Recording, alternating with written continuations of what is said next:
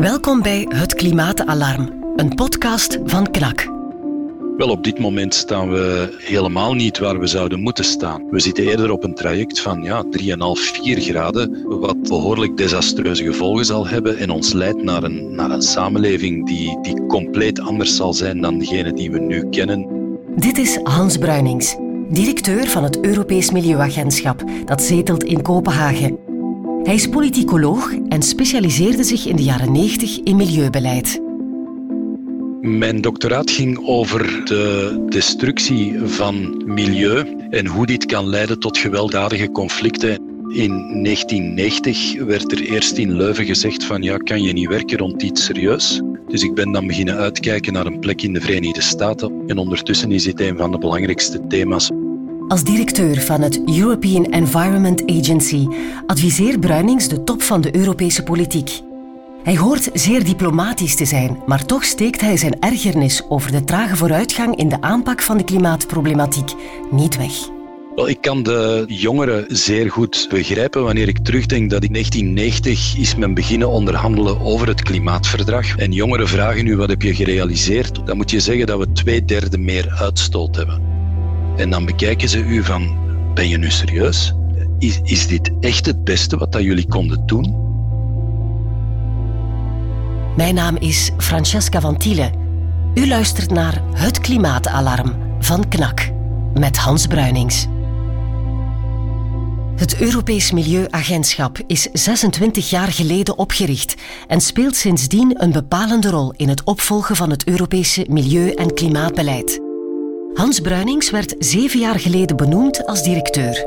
In de strijd tegen de gevolgen van de opwarming van de aarde hamert hij sindsdien op het belang van wat hij de noodzakelijke systeemverandering noemt: de transitie van ons energie, mobiliteit en voedselsysteem.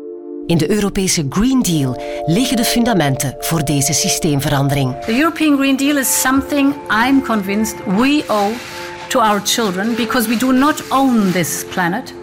We just do have a certain, for a certain time, the responsibility, and now it's time to act. Welkom, Hans Bruinings. Europees Commissievoorzitter Ursula von der Leyen wil 1000 miljard euro spenderen om de noodzakelijke transities in verschillende sectoren van onze samenleving waar te maken. Bent u tevreden over de Green Deal? Ja, om de eenvoudige reden dat het veruit het meest toekomstgerichte, het meest ambitieuze, het meest fundamentele uh, beleidsprogramma is dat de Europese Unie ooit naar voren hebben geschoven. Hè. Dit is duidelijk een programma dat reikt naar 2030 als een, uh, een tussenstop naar 2050. Hè, wanneer je naar de elementen van die Green Deal kijkt, het eerste klimaatneutrale continent, het aanpakken van biodiversiteit op een fundamentele manier, het streven naar zero pollution, hè, geen, geen vervuiling, uh, de koppeling maken tussen gezondheid, milieu, klimaat en ons voedselsysteem dat zijn eigenlijk dingen die we nooit eerder gezien hebben in een Europees beleidsprogramma. En bovendien wordt daar dan nog eens additioneel de koppeling gemaakt met de sociale dimensie. Hè. Just transition, rechtvaardige transities, maar ook de hele investeringscomponent. Hè. De link met wat men noemt sustainable finance, duurzame uh, financiële sector. En dat zijn toch wel ongeziene dingen. Wat ook eigenlijk voor een stuk uh, duidelijk maakt dat dit geen programma is dat gaat over ja, milieu en klimaat geïsoleerd, maar wel in een sterke koppeling met investeringen voor de economie voor de toekomst. Vandaar ook dat men erin geslaagd is om de middelen die nu vrij gaan gemaakt worden om de economie terug te herlanceren na corona of met corona uh, misschien, dat die koppeling met die European Green Deal zo sterk is. Hè. En die is, die is eigenlijk uh, gemaakt zowel in het Europees Parlement als door de meerderheid van de lidstaten. En dat, dat maakt mij wel optimistisch. Ik ben natuurlijk ook een realist. Hè. De, de curves van impact op milieu en klimaat zijn niet goed, gaan de verkeerde richting uit. En de wetenschap is uh, redelijk eenduidig en kristal helder wanneer het erop aankomt om te stellen dat we nu een decennium ingaan uh, waarin we die curves zullen moeten ombuigen. Dat wil zeggen dat we die middelen op de meest wijze manier zullen moeten gebruiken met de politieke moed om echt naar de kern van niet-duurzaamheid te gaan. Dit zal in een aantal sectoren en landen heel moeilijk liggen en daarvoor heb je echt leiderschap nodig.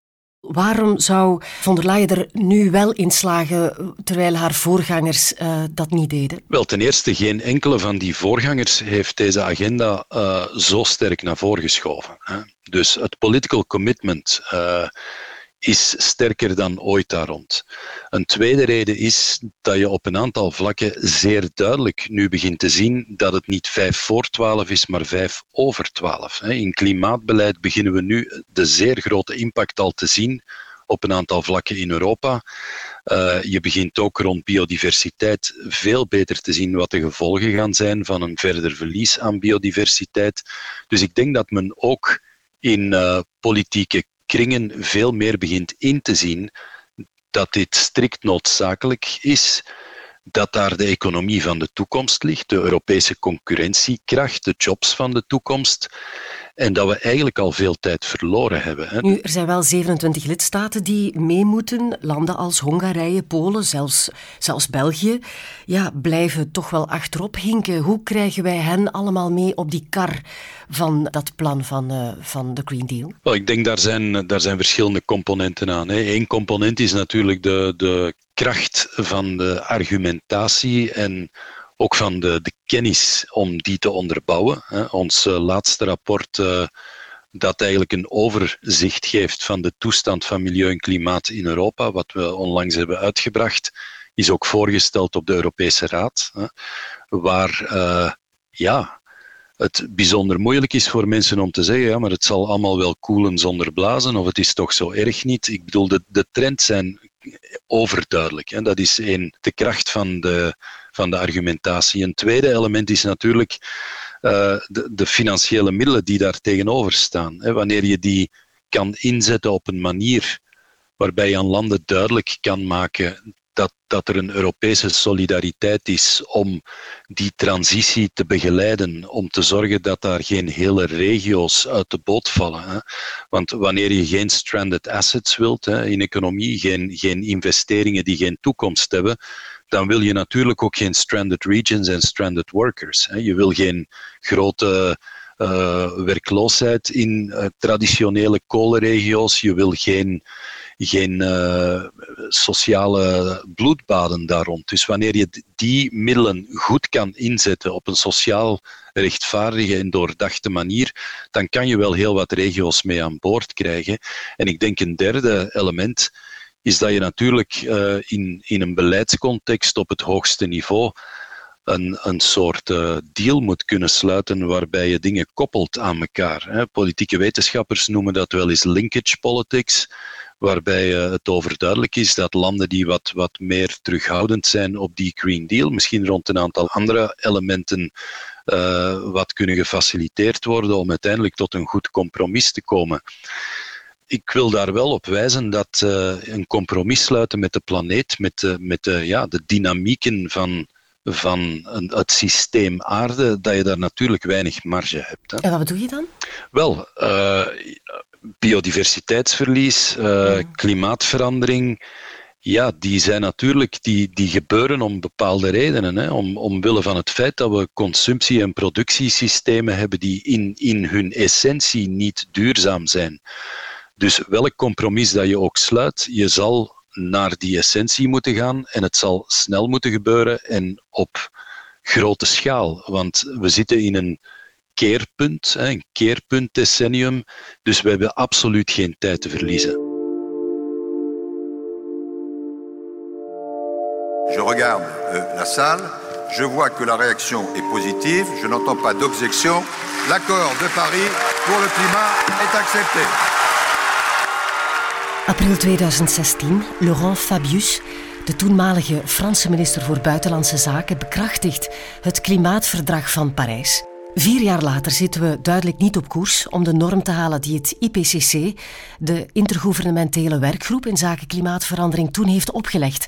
Hoe ver staan we vandaag? Wel, op dit moment staan we uh, helemaal niet waar we zouden moeten staan. De, ieder land heeft vrijwillig mogen meedelen wat zij gingen doen aan engagementen. Hè.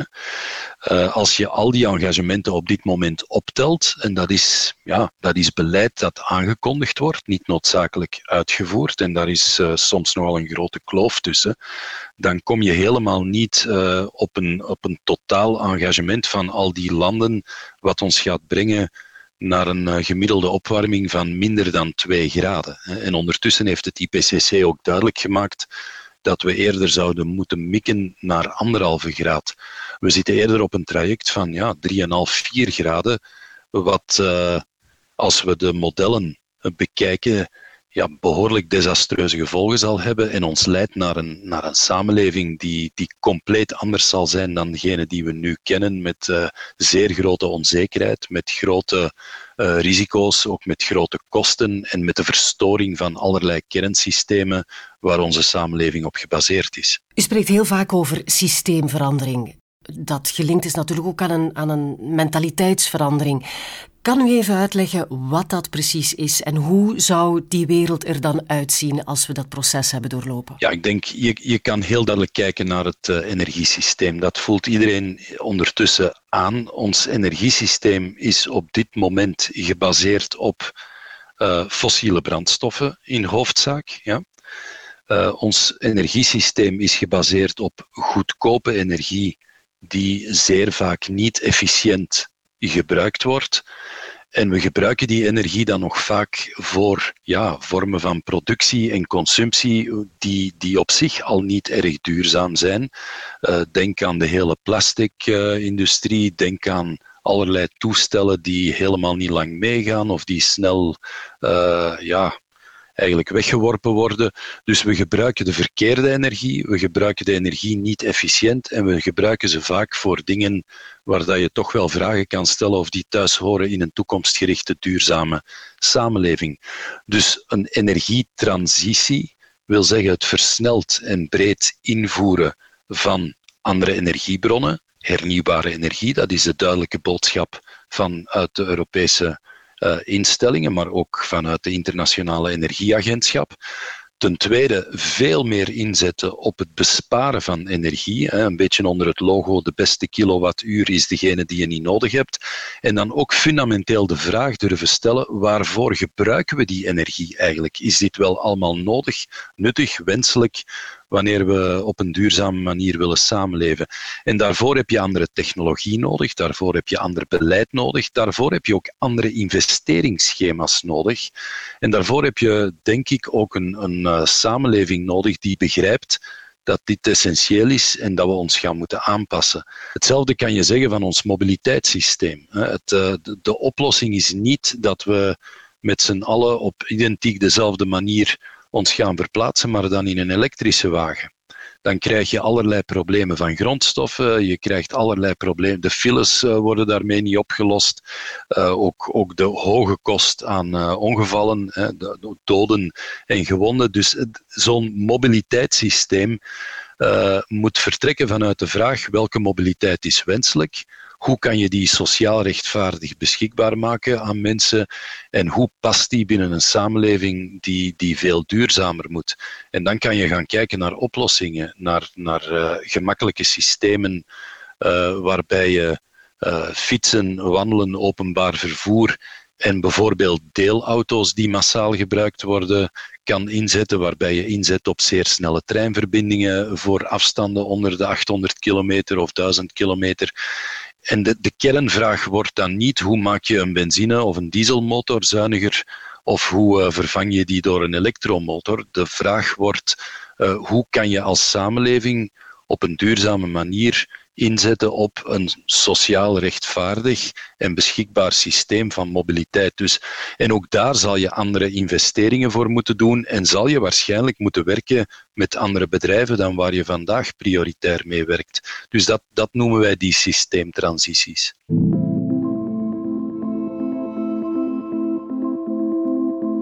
Ik ben Bert Bultink, hoofdredacteur van KNAK. Met het klimaatalarm brengt KNAK het belangrijkste vraagstuk van onze tijd terug waar het hoort te zijn, in het centrum van de aandacht. Niet omdat Greta Thunberg het zegt, maar omdat het letterlijk levensbelangrijk is. Voor ons allemaal.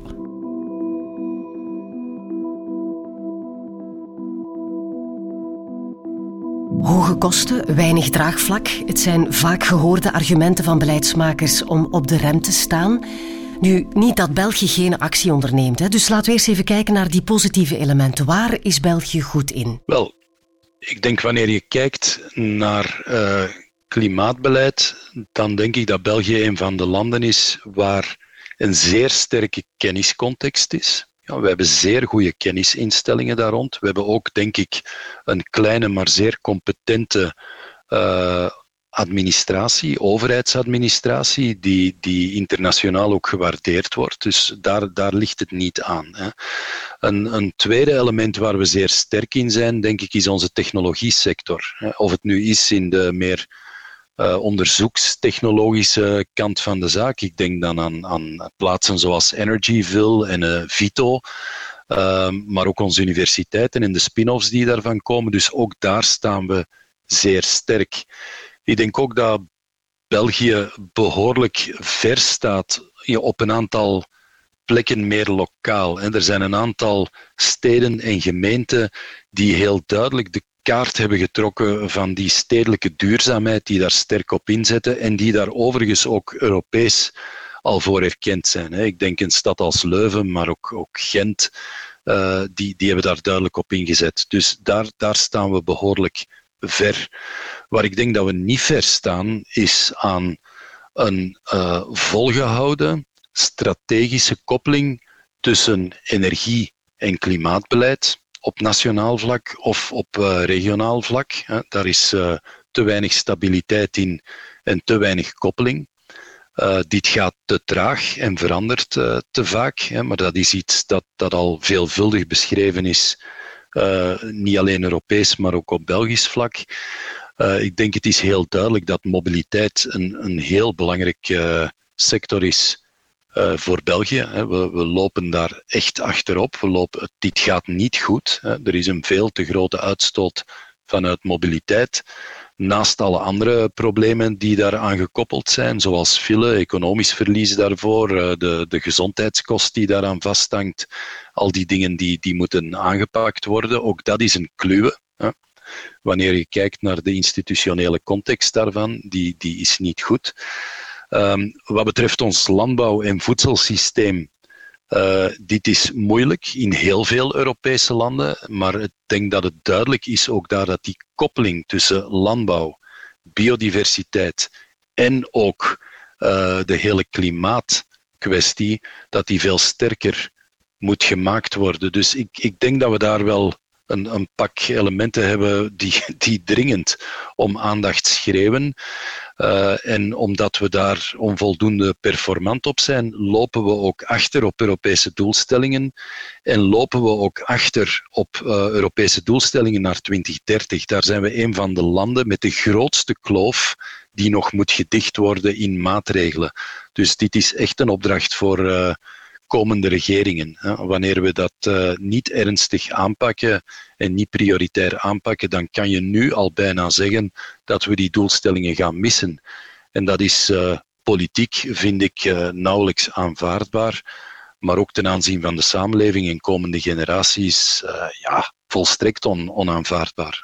Het feit dat België te lage doelstellingen stelt, leiden we daardoor reputatieschade in het buitenland? Men weet natuurlijk waar uh, de landen zitten die wensen dat het minder ambitieus is of trager gaat, of die om uitzonderingen vragen, of uh, die de zaak trachten eerder uit te leggen en te verklaren dan uh, aan te pakken op een aantal vlakken. Daar zitten wij uh, in, in een clubje rond een aantal elementen van landen waar wel naar gekeken wordt. Ja, dat is zo. Natuurlijk kan het anders. Als je ziet die 14 miljard naar zonnepanelen, ik durf dat zeggen, dat was verloren geld. Nu moeten mensen betalen op hun factuur voor die zonnepaneel van de buur. Die buur krijgt 5000 euro subsidie voor zijn Tesla te kopen. En met uw idee dat de buur daarnaast, dat voorkomen... die op een oud dieseltje moet rijden, die misschien geen geld meer heeft om zijn huis te renoveren, maar wel de factuur van de transitie moet betalen, dat die een geel hesje aandoet, zoals in Frankrijk, en zegt, nu gaat het niet meer. Ik begrijp dat. Als je zegt, ja, mensen moeten het einde van de... wij het willen aanpakken, zal niemand nog een geel hesje Als je zegt, we halen het einde van de eeuw niet, en daardoor halen mensen op de ja, van de maand niet, dan lukt het niet. Partijen in ons land die pleiten voor uh, realisme in klimaatbeleid, verwijzen vaak naar de hoge kosten die ja, die systeemverandering, die transitie uh, zal kosten. Um, is daar een tegenargument voor? Ja, het tegenargument is uh, evident. Hè. Er zijn er twee. Enerzijds, uh, je moet kijken ook naar de kosten van inactie, van het niet te doen. En daar zijn economen redelijk duidelijk in. Wanneer we verder klimaatverandering laten ontsporen. En ik denk dat we op dit moment daar mogen over spreken. Het is een ontsporing aan het worden. Ja. Dat gaat ons veel meer kosten. En zelfs tot op het niveau dat je zegt, ja, je kan je daar nog nauwelijks aan aanpassen door investeringen. Het, het gaat gewoon schade zijn die je oploopt. Uh, dus dat, dat is een, een één argument. Het tweede argument zijn de baten natuurlijk. Als je kosten doet, ja, dan moet je ook kijken wat, wat krijg ik daarvoor? Wat zijn de baten? En de baten zijn uh, een samenleving die zich veel beter voorbereidt op uh, een economie voor de toekomst, een samenleving voor de toekomst. Uh, en het derde argument is een meer ethisch uh, argument en dat gaat over de toekomstige generaties. Ik, ik, ik, denk soms, wanneer je door oude steden loopt in Europa, dan de charme van veel steden wordt bepaald door de mix van gebouwen en wijken die teruggaan tot de 14e, 15e, 16e, 17e eeuw. Honderden jaren later is dat de rijkdom uh, die wij terugvinden. Wel, uh, welk soort steden, welk soort toekomstgerichtheid willen wij steken in onze investeringen?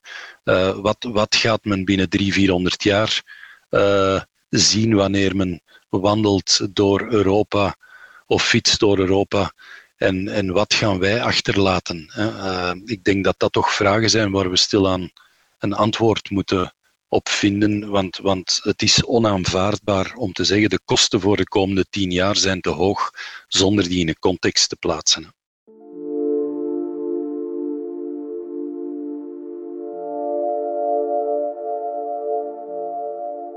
Laatste vraag, meneer Bruinings. Stel dat u het voor het zeggen had. Welke prioriteiten zou u stellen?